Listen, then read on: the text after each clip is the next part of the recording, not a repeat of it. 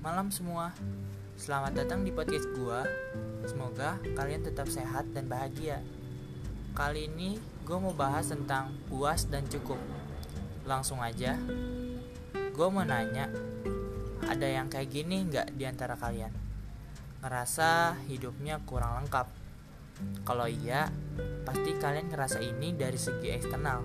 Contohnya, kayak gue kurang pacar buat ngelengkapin hidup gue nih.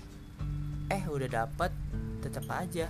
Sering ngerasa hidup kita itu kosong malah ngerasa tambah beban. Atau gue butuh temen nih dan ketika circle udah lama lu pasti nyari teman baru.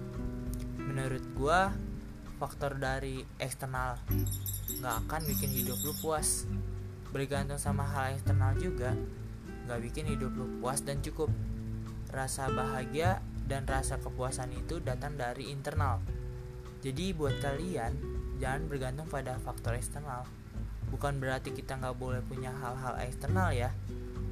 Dari penjelasan di atas, menurut gua, hal yang lebih penting adalah bersyukur.